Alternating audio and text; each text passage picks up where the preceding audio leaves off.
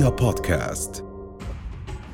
السيدات والسادة أهلا بكم في حلقة جديدة من بودكاست ملخص نبض البلد. هذا العام سياسيا عام 2022 منذ بدايته سيشهد الكثير من الجدل إن صح التعبير. ملفات سياسية ضاغطة أولها ملف الإصلاح أو تحديث المنظومة السياسية. وجهة نظرك كيف سيكون شكل هذا العام من هذا الباب؟ يعني يفترض أن يشهد استمرارية وترجمة لما تم العمل عليه أو التهيئة له في الفترة الماضية وهو عندما نتحدث عن رغبة في تحديث المنظومة السياسية إحداث تغيير في شكل المشهد السياسي في الداخل الأردني. فأعتقد أن الامتحان اليوم هو في كيفية تطبيق ما تم الوصول إليه في الجانب النظري. فأعتقد يعني نحن أمام تحدي آه، وهو التحدي الأبرز بالنسبة للدولة الأردنية لأنه أعتقد أن الناس شبعت في السنوات الماضية الحديث عن استراتيجيات وعن لجان وعن خطط وترغب في رؤية تغير ملموس على أرض الواقع يترجم عبر قرارات وعبر إجراءات وعبر سياسات تتخذها الدولة آه، ويرى المواطن الحقيقة آه، نتائجها. إذا هو لنقل قد يكون هذا آخر التحديات التي يمكن أن نسميها تحديات آه، أمام الدولة الأردنية فرصة لتثبت أنها قادرة اليوم على الانتقال على إحداث تغيير حقيقي في المشهد السياسي. وأعتقد أننا يعني مضطرين ولا نملك ترف الوقت ولم يعد أمامنا فرص نضيعها ولا مبادرات نطلقها. أمامنا فرصة أن نقول أن نحن نستطيع أن ننجز نستطيع نستطيع أن نقدم ما بدأنا به اليوم يمكن التعويل عليه وهذا باعتقادي يحتاج إلى جرأة في اتخاذ القرارات السياسية في تطبيق هذه الإجراءات وهذه القرارات آه، وأعتقد أننا لأول مرة بحاجة إلى فكرة المتابعة الحثيثة لضمان تحول هذه الشعارات وهذه الرؤى إلى تطبيقات على الأرض. طيب دكتور معلش في بعض التفاصيل في هذا الملف الانتخاب والأحزاب الحديث أن هناك قانوني انتخاب وأحزاب أساسيين في تحديد شكل الدولة الأردنية في المرحلة المقبلة تتفق؟ تختلف. يعني أنا لا أستطيع أن أتفق كثيرا مع قصة أنك تحدد شكل الدولة. ما يحدد شكل الدولة هو سياسات الدولة نفسها وقدرتها أيضا على إحداث تغيير في الجانب الثقافي والمجتمعي. لهذا أعتقد أننا أمام تحدي قد يكون مدخل أعتقد البعض أن المدخل الأساسي للتطوير المنظومة السياسية هو موضوع الأحزاب وموضوع قانون الانتخاب وهو بلا شك من الجانب النظري لا يمكن أن نختلف أن عبر بوابة الأحزاب وعبر ممارسة العمل الحزبي الحقيقي ومن ثم الانتقال إلى صناديق الانتخاب هو أهم تعبير لشكل سياسي. لكن لا نريد أن نغفل أن هذا مجتمع تعرض على مدار عشرات السنوات الماضية إلى محاولة تهشيم آه، آه، ثقافته السياسية، تجريم ثقافته السياسية، إذا أنت تتحدث عن موروث ما زال قوي وحاضر في موضوع العمل السياسي، هناك من ينظر إليها على أنها تابوهات، هناك شباب اليوم ما زالوا مسكونين في موروث أن العمل السياسي ممنوع، العمل السياسي له تكلفة عالية، العمل السياسي يدفع ثمنه كل من يعمل به، إذا انت أنت اليوم أمام نظرية تقول أن الجانب النظري لتحديث المنظومة السياسية يبدأ في فكرة الأحزاب والانتخاب لكن لابد أن نتفق جميعا أننا بحاجة إلى إجراءات تعزز ضمان أولا العمل السياسي والسماح به والحريات الشخصية وهذا يتطلب إجراءات على الأرض لا آه، يعني لا تقتصر فقط على قوانين فيما يتعلق بالأحزاب وقوانين الانتخاب، اذا تتحدث عن تغيير لمناخ سياسي كامل تطمين تقديم تطمينات آه، فتح باب الحريات وباب المساءلة لمن يتغول على هذه الحريات. اذا أنت أمام تحدي حقيقي اليوم. الجانب النظري يمكن آه، السير به لكن حتى تعزز فكرة أن يتم نجاح هذه المرحلة على الأقل أنت بحاجة أن تقدم شيء ملموس يشعر الناس نعم بأن هناك تغيير هناك تحول. اليوم أستطيع أن أنتسب إلى أحزاب أستطيع أن أعبر عن رأيي دون أن أدفع ثمنه أن أمارس آه، نمط على الأقل آه، سياسي ولا يجرمني ولا يجعلني خارج يعني خارج منظومة المجتمع. كما شهدنا آه، فكرة استهد... على مدار الفترات الماضية استهداف لفئات أو, أو لجهات معينة. ملفات كانت ذات أثر أكبر على الساحة الأردنية في العام المنصرم. كيف نقرأها في عام 2022 الصحة وكورونا السياسة والتشريع شكل العام القادم اقتصاديا. ملفات نفتحها الليلة. الحديث في الملف الأول الملف الصحي. أرحب بضيفي الدكتور إبراهيم بدور رئيس لجنة الصحة في المركز الوطني لحقوق الإنسان. دكتور إبراهيم مساء الخير. مساء الخير أستاذ محمد مساء الخير للجميع. دكتور إحنا أنهينا العام 2021 والموجة تنحسر إن صح التعبير. نعم ولكن ندخل على 2022 امامنا تحدي كبير هو أوميكرون صحيح؟ نعم. شو شكل 2022 يعني 2022 أول شيء بكون عبارة عن سنتين مر من بداية الفيروس بشكل عام بالعالم وعندنا بالأردن على شهر ثلاثة يمكن باثنين ثلاثة بعد بس ندخل اثنين ثلاثة على خير ب 2022 بكون لنا حوالي عبارة عن سنتين من هذا الوباء. هذا الوباء بصراحة وباء أثبت إنه وباء عنيد وباء متلون وباء متغير متحور. بصراحة إحنا أول ما ما بلشت يمكن بتذكر في البدايات كنا نقول أسبوعين وثلاثة وبنتهوا وما راح يصير في إمداد أكثر من هيك وراح تنتهي الأمور. ولكن بصراحة الفيروس فاجأ الجميع فاجأ العالم وفاجأ الاقتصاديين والصحيين والسياسيين والتربويين وكل الناس بصراحة فاجأهم بالتحورات الموجودة. الأردن بصراحة دخل في ثلاث موجات في البداية سوى بدي أسميها عبارة عن شفت أو إزاحة للأمام. في في مرحلة معينة دخلنا بأول موجة ثاني موجة ثالث موجة الآن إحنا فيها يمكن في في الهبوط بدي أسميها التدريجي. يعني كنا في أرقام عالية يمكن ال 21 دخلنا في موجتين رئيسيات ولكن هاي الموجة الثالثة إحنا بنهاية العام أعتقد إحنا بالنهايات تبعتها وأعتقد يمكن في نهاية يمكن شهر واحد و22 ممكن هاي الموجة تنتهي بشكل نهائي. ولكن إحنا بصراحة أعتقد مع بداية العام نحن مع بداية جديدة مع موجة جديدة أعتقد. يعني بشهر واحد ماكسيموم شهر اثنين أعتقد إنه راح يكون في موجة رابعة برعاية ما يسمى أوميكرون المتحور الجديد. المتحور بصراحة ممكن يكون في عنا أرقام عالية. الأوميكرون آه، الخطورة اللي فيه يعني هو يمكن إنه سريع الانتشار من عبارة عن ثلاث إلى خمس مرات سرعته أكثر من المتحور عبارة عن دلتا ولكن هو بشكل عام أعراضه بسيطة بشكل عام. فلذلك التوقعات خلينا نحط عبارة عن توقعين رئيسيات بما إن إحنا داخلين على 2022 في توقع الأكبر إنه راح ندخل في موجة جديدة رابعة ويكون في عنا أرقام والأرقام راح تسجل أكبر لأنه هذا الأوميكرون بالذات مشكلته بصراحة فعالية المطاعيم جرعة وجرعتين مش عاليه كثير. الجرعة الأولى طبعا عبارة عن نسبة بسيطة جدا. جرعتين من الناس اللي تلقوا بعباره عن 30 ل 35% ثلاث جرعات اللي بنحكي عنها الآن بنحكي عن 75 ل 80% ولكن بصراحة في ناس كثير من الماخذين جرعتين انصابوا والأرقام هسه يعني إذا بتلاحظ الارقام كلها بدزيد وأعتقد على بدايه العام راح الإصابة أوميكرون. نعم إحنا إحنا حكينا بالنسبة على الموجة الثالثة انتهت الآن وإحنا في الهبوط تبعها راح تنتهي يمكن بشهر واحد أو نهاية واحد maximum بداية اثنين ولكن في صعود الآن في ال curve أو المنحنى بالرقم الثاني اللي هو ما يسمى بالموجة الرابعة من أوميكرون. هاي بالنسبة للنقطة الأولى. الاحتمال الآخر الآن إحنا ممكن ننتهي الموجة هاي بالنسبة الموجه الرابعة تبلش بشهر واحد اثنين يصير فيها صعود زي ما مسمي بالحالات ممكن نوصل 5000 6000 10000 ما حدا بيعرف قديش راح تكون الكيرف المنحنى راح نوصل راح نوصل لراس منحنى ومن ثم هبوط. الآن التوقعات كالتالي. ممكن لا سمح الله التوقع الأول انه يكون في عندنا متحور آخر بعد ستة أشهر لا سمح الله يعني على شهر 8 9 الجاي. ممكن يصير عندنا متحور لأنه بصراحة هذا الفيروس علمنا بكل ستة أشهر في عندنا متحور فممكن يكون لا سمح الله في عندنا متحور جديد وندخل في موجة خامسه ولا سمح الله سادسة. ولكن في حكي الآن جديد إنه بيحكي إنه في عبارة عن دراسة ذيك مرة شفتها بقول لك ممكن يكون يعني غير الأوميكرون هو آخر بالنسبة المتحورات. ليش آخر المتحورات؟ لأنه بقول لك هو ضعيف. ممكن يكون في عبارة عن نهاية يصيب الناس كلياتها ويصير فيها مناعة مجتمعية عند الجميع بحيث ما يصير في عندك تطورات أخرى. ولكن هذا حكي كلياته لغاية الآن. المتوقع الآن دخولنا في بداية السنة مع موجة رابعة مع برعاية أوميكرون. أرقام راح تكون أعتقد أعلى وأعتقد راح يكون في تسارع بالأرقام يعني لسبب محدد اللي هو سمينا بصراحة الانفلات المجتمعي الموجود.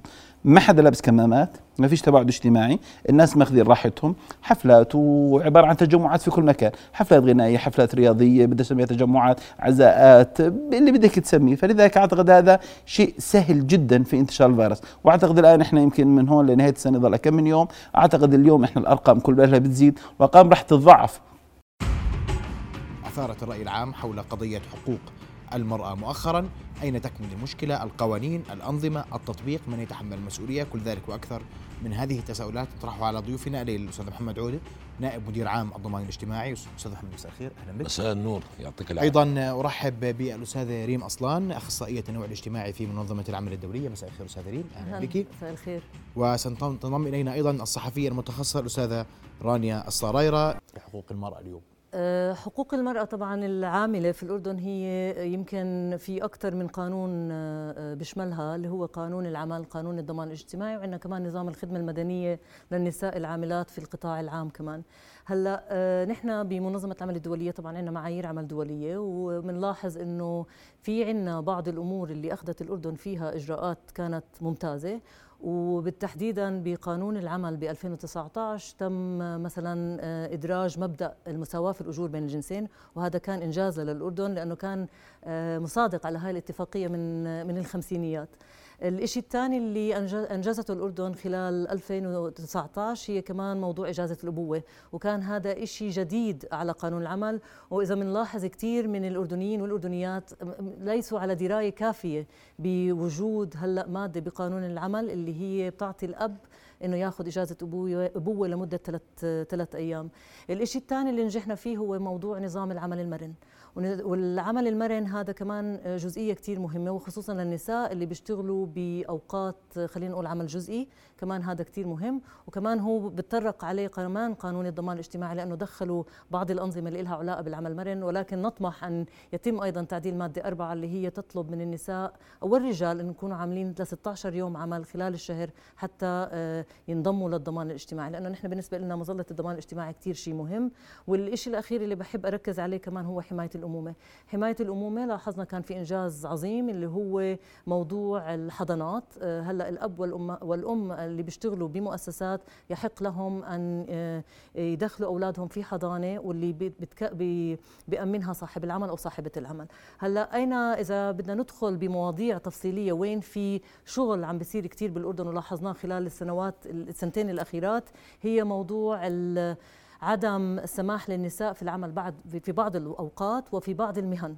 وهذا الشيء هلا مطروح على مجلس النواب بقانون العمل الذي تم إرساله من الحكومة الأردنية ونطمح إنه آه، إنها تشال هذه المادة وتعدل هذه المادة بطريقة إنها تحمي النساء والرجال إذا عملوا بعد أوقات معينة اللي هي بعد الساعة العاشرة أو بمهن معينة. هي مفروض إنه تتم الحماية للطرفين ذكور أو إناث إذا اشتغلوا بعد الساعة 10 ذكور أو إناث إذا اشتغلوا بمهن معينة. طبعا ما أخذ بعين الاعتبار وحسب معايير العمل الدولية إنه النساء الحوامل والمرضعات لهم خصوصية ويجب أن تؤخذ بعين الاعتبار عند تعديل هذه المادة. وفي مادة اللي صار عليها جدل كبير اللي هي مادة العنف والتحرش في عالم العمل. آه، إحنا بمنظمة العمل الدولية صار عندنا اتفاقية جديدة هي 190 وبحب أذكر المشاهدين إنه منظمة العمل الدولية هي منظمة قائمة على دول أعضاء. فالأردن هي دول دولة عضو في المؤس في المنظمة وإحنا عندنا حوالي 187 دولة عضو. وهي المعايير تنص ويتم سنها من خلال الدول الأعضاء بمنظمة العمل الدولية. فهي من خلال حوار اجتماعي. تسنوا قوانين ولا تقدموا مقترحات هي معايير عمل دولية. آه القوانين؟ لا إلا إذا صادقت عليها الدولة. عشان هيك أنا إذا لاحظت حكيت على موضوع المساواة في الأجور بين الجنسين الأردن صادقت على اتفاقية 100 اللي تعنى بالمساواة في الأجور وعدم التمييز في الاستخدام المهني اللي هي آه، اتفاقية 111 آه، الأردن صادقة عليهم من الخمسينات والستينات ولكن جديدا فقط تم تعديل قانون العمل. ونحن بالمنظمة طبعا آه، الأردن يعني أخذت خطوة كثير إيجابية بالنسبة لنا. ولقانون الضمان الاجتماعي يمكن بفضل آه، عطوفته يحكي عنه أكثر بس كمان الضمان الاجتماعي عنده حماية الأمومة ولمنظمه العمل الدولية. نعتبر الأردن هي من الدول المتقدمة بهذا المجال مقارنة مع الدول العربية الأخرى. بدأ تطبيق أمر الدفاع 35 هذا القرار الذي يثير جدلا واسعا في الشارع الأردني بين المواطنين التجار والحكومة ممثلة بالجهات الرقابية المختلفة. للاطلاع أكثر حول هذا الموضوع ولبحثه بتفاصيله أرحب بضيوفي الليلة رئيس غرفة تجارة عمان الأستاذ خير الحاج توفيق. مساء الخير. مساء الخير. أرحب أيضا بعضو لجنة الأوبئة دكتور بسام حجاوي. مساء الخير دكتور بسام. مساء الخير. وسيكون أيضا معنا الأستاذ عبد الحكيم الهندي من جمعية الفنادق للحديث حول هذا الموضوع. وأستأذنك أبو حمزة سابدا من دكتور بسام. دكتور بسام. رؤيا بودكاست. أهلا بكم في حلقة جديدة من بودكاست نبض البلد. وضع وبائي مستقر إن صح التعبير. نحن في ختام الموجة الثالثة. يعني إحنا في نهاية الموجة الثالثة وفي طريقنا إن يعني تنحسر لأنه يعني الذروة كانت قبل ثلاث أسابيع وإحنا الآن يعني آه، النزول أو الانخفاض واضح في كل المؤشرات. واللي آه، نأمل إنه يعني آه، الخوف هو يأتي من الأوميكرون، الأوميكرون اللي هو الخطر اللي هو استبدل كل الدلتا في كل دول العالم. وإحنا بجوز منطقة الشرق الأوسط يعني آه، أقل إصابات حتى الآن. لكن في في الأوبئة اللي تعودناها عادة لما يتفشى في منطقة في قارة في كذا بينتقل لأنه معدلات التفشي الاوميكرون عالية أعلى من الدلتا. طيب. لكن إحنا يعني نشهد الآن انحسار في الموج الثالث بسبب الدلتا ووضعنا مستقر نأمل إنه الإجراءات اللي تم اتخاذها إنها تكون كفيلة بإنها على الأقل سيدخل سيدخل الاوميكرون لكن هي تخفف قدر الإمكان التفشي بتعكس ذلك على الإصابات عدد الإصابات اللي من المحتمل إنه يزداد في شهر واحد اللي إحنا فيه وشهر اثنين إضافة إلى ذلك أنه إحنا يعني آه، متحورة جديدة زي الأوميكرون لن يعني في إجراءاتها الاحترازية لن تختلف كثيرا عن الدلتا والمتحورات الأخرى آه، لكن كل بلد لها ظروف مختلفة وبناء عليه تأخذ إجراءات مختلفة. آه، نأمل أنه إحنا يكون الأوميكرون في أقل تفشي يعني من الإجراءات اللي عمالة بتصير زي ما تفضلت أمر الدفاع ساهم. أنا اليوم شفت إنه مثلا المطاعيم اليوم لأول مرة يعني في يوم واحد بنسجل حوالي 33 ألف جرعة. هذا شيء يعني كويس. إن شاء الله الناس تلتزم بآخذ الجرعة الثانية أول مرة من متى؟ يعني بجوز من أربع شهور. لأول مرة من أربع يوم شهور. واحد 33 ألف. نعم 33 برأيك هذا جرعة. أمر الدفاع 35 أكيد أمر الدفاع ساهم في ذلك رفع يعني إحنا لأنه اليوم كان أول يوم في تنفيذ أمر الدفاع 35 خاصة في المؤسسات الحكومية كما أنا شهدت وكان جنبينا أكثر من مركز وطلعنا عليه كان في ازدحام.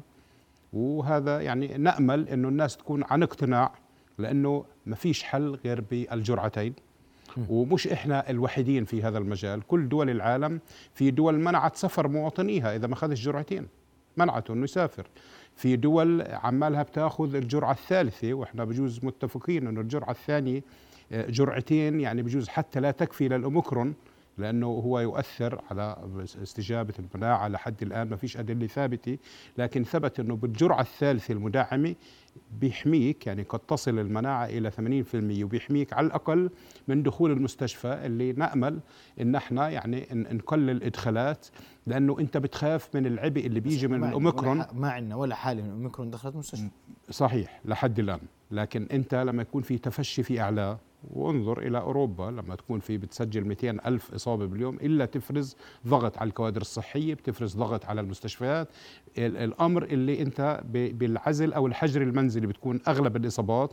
لكن بكون هناك لابد من أن يكون في إصابات تدخل المستشفى ما بين ضغط على هذا لكن كل هذه الأمور خليني مثلا أحكي قدام الحج إنه يعني مربوطة الصحة مع الاقتصاد مع التعافي يعني كلها حلقة مفرغة. المفروض إن إحنا ناخذ بعين الاعتبار كل هذه الأمور لكن الصحة هي باب كل شيء. موسى الساكت مهندس موسى مساء الخير. سنور. وأبدأ من توقعاتك كيف سيكون شكل اقتصاد 2022 شكرا سيدي على الاستضافة كل عام وأنتم بخير.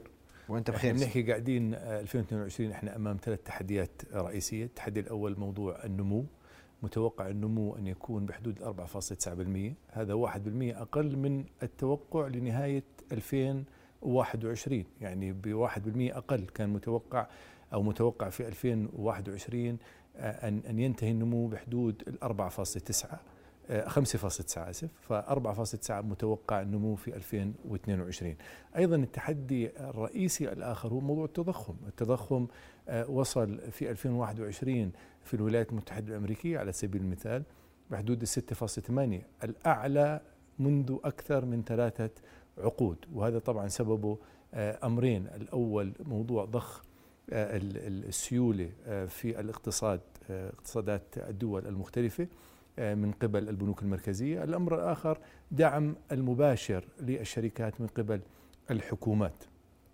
الموضوع الثالث والمهم اللي هو الطاقة آه، الطاقة والطلب الكبير على الطاقة. فهذا أمر أنا باعتقادي وكلنا شاهدنا ماذا حصل بالنسبة لروسيا والغاز الروسي والاتحاد الأوروبي بشكل عام.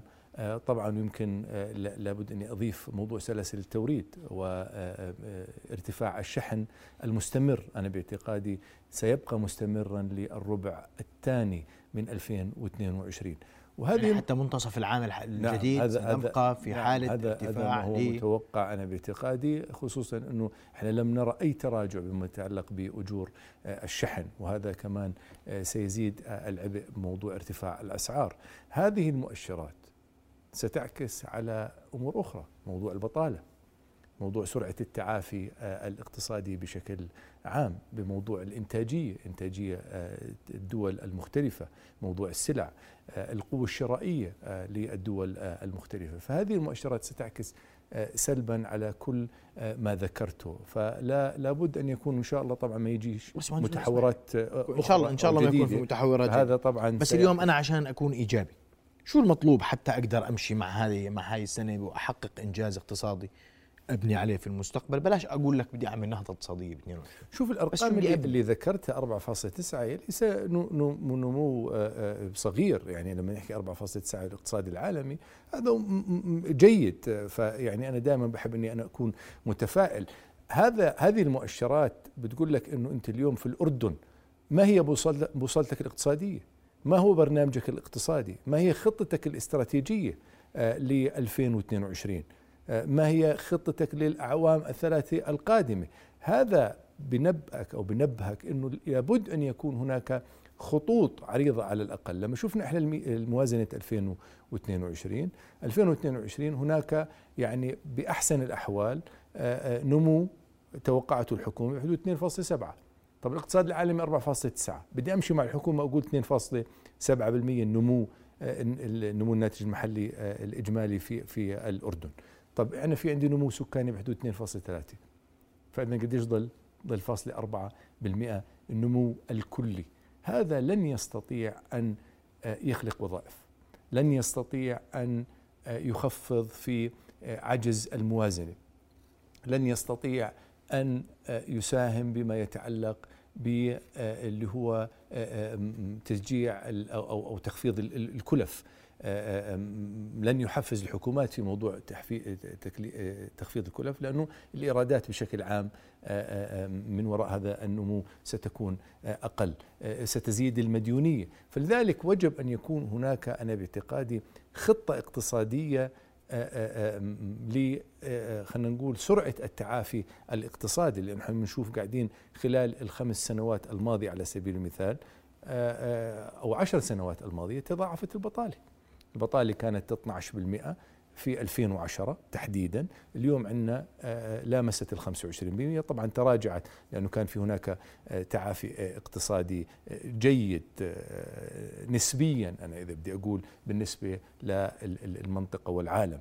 أيضا موضوع العجز في الموازنة. العجز في الموازنة. أنا بدي أعطيك مثال سريع. ب 2018 كان بحدود ال 700 700 مليون العجز في الموازنة. طب أنا اليوم في 2022 العجز المتوقع سيدي مليار و750 مليون. أسعار المشتقات النفطية شكل النفط هذا العام. كيف سيكون؟ نرحب بضيفي في هذا الموضوع آه، خبير الطاقة الدكتور عامر الشوبك دكتور عامر مساء الخير. دكتور عامر بداية رأيك برفع أسعار المشتقات النفطية محليا في الأردن نهاية هذا العام؟ رفع الأسعار مع بداية الشهر الحالي وبداية العام آه، الحالي لم يكن مبرر وكان خاطئا.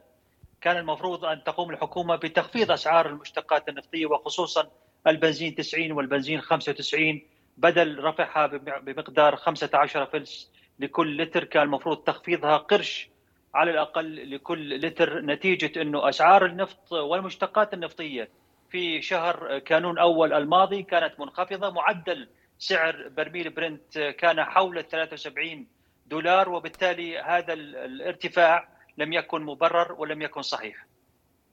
لا مبرر ولا صحيح؟ وغير صحيح نعم. النفط في الع... أسعار المشتقات انخفضت النفط انخفض في الشهر الأخير من العام الماضي. نعم نعم كان معدل الشهر الماضي كانون ثاني الذي على اساسه يسعر الشهر الحالي بنسب أقل كان معدله تقريبا 73 دولار لبرميل برنت بينما كان معدله في الشهر الذي سبقه أو الذي كان قبله في شهر تشرين ثاني كان حوالي 82 دولار لبرميل برنت. فبالتالي كان المفروض تخفيضه عدا أنه أيضا التسعيره تسعر على أساس معدل المشتقات النفطية، سعر المشتقات النفطية حسب نشرة بلاتس وبالتالي كانت هذه التسعيرة بما يخص البنزين 90 والبنزين 95 أقل من القيم الحالية كان المفروض إما تثبيته أو تخفيضه عن الأسعار الماضية وليس زيادته بالمقدار الذي هو قرش ونص على كل لتر. طب اليوم اليوم القلق دكتور عامر والترقب في العالم كله وفي الأردن تحديدا على أسعار النفط والمشتقات النفطية خلال هذا العام. القراءات ماذا تقول؟ نعم القراءات العالمية وحسب يعني الدراسات العالمية بعض المؤسسات المالية الدولية توقعت بأن يصل سعر برميل برنت في منتصف الصيف القادم إلى 100 دولار للبرميل. لكن جميع المؤشرات الأخرى طبعا هذه ضمن ظروف معينة المؤشرات بشكل عام تحصر سعر النفط ما بين 60 إلى 80 دولار في العام الحالي 2022 طبعا هذا عدا ظروف طبعا طارئة قد ترفع أسعار النفط في أي لحظة. هنالك مفاوضات جادة بشأن الملف النووي الإيراني قد تفرج عن النفط الإيراني في الأسواق وهنالك ما زالت آه، الآن في الربع الأول من العام الحالي تأثيرات أوميكرون على العالم تؤثر على الاقتصاد العالمي ومزيد من القيود في بعض الدول إلا انه هذه الأمور قد يعني يضعف تأثيرها ما بعد الشهر القادم ويضعف تأثير أوميكرون نتيجة أنه أيضا أوبك أعلنت اليوم أوبك بلس بأن تأثير أوميكرون على آه، أسعار النفط أو على الطلب على النفط في العالم سيكون أثره محدود وقصير المدى. يعني هذه القراءات بأنه الأثر محدود وقصير المدى هذا قد لا يكون صحيحا آه، يعني اوبيك بلس دائما آه، عودتنا بأنه نظرتها للأسواق سليمة وبالتالي يعني الآن أسعار النفط فوق 75 دولار هي أسعار ليست بسيطة مرضية للمستهلكين في بعض المناطق ومرضيه للمنتجين بشكل خاص المستهلكين الكبار الولايات المتحدة أفرجت عن بعض المخزونات الاستراتيجية لتخفيض أسعار النفط إلا انه أسعار النفط الآن ثابتة تقريبا على 75 دولار تتذبذب ما بين ارتفاع وصعود دولار دولارين إلا انه هذه النسب أيضا ما زالت يعني مرتفعة للكثير من الدول المستهلكة وخاصة اللي بنفرض فيها ضرائب مرتفعة مثل الأردن.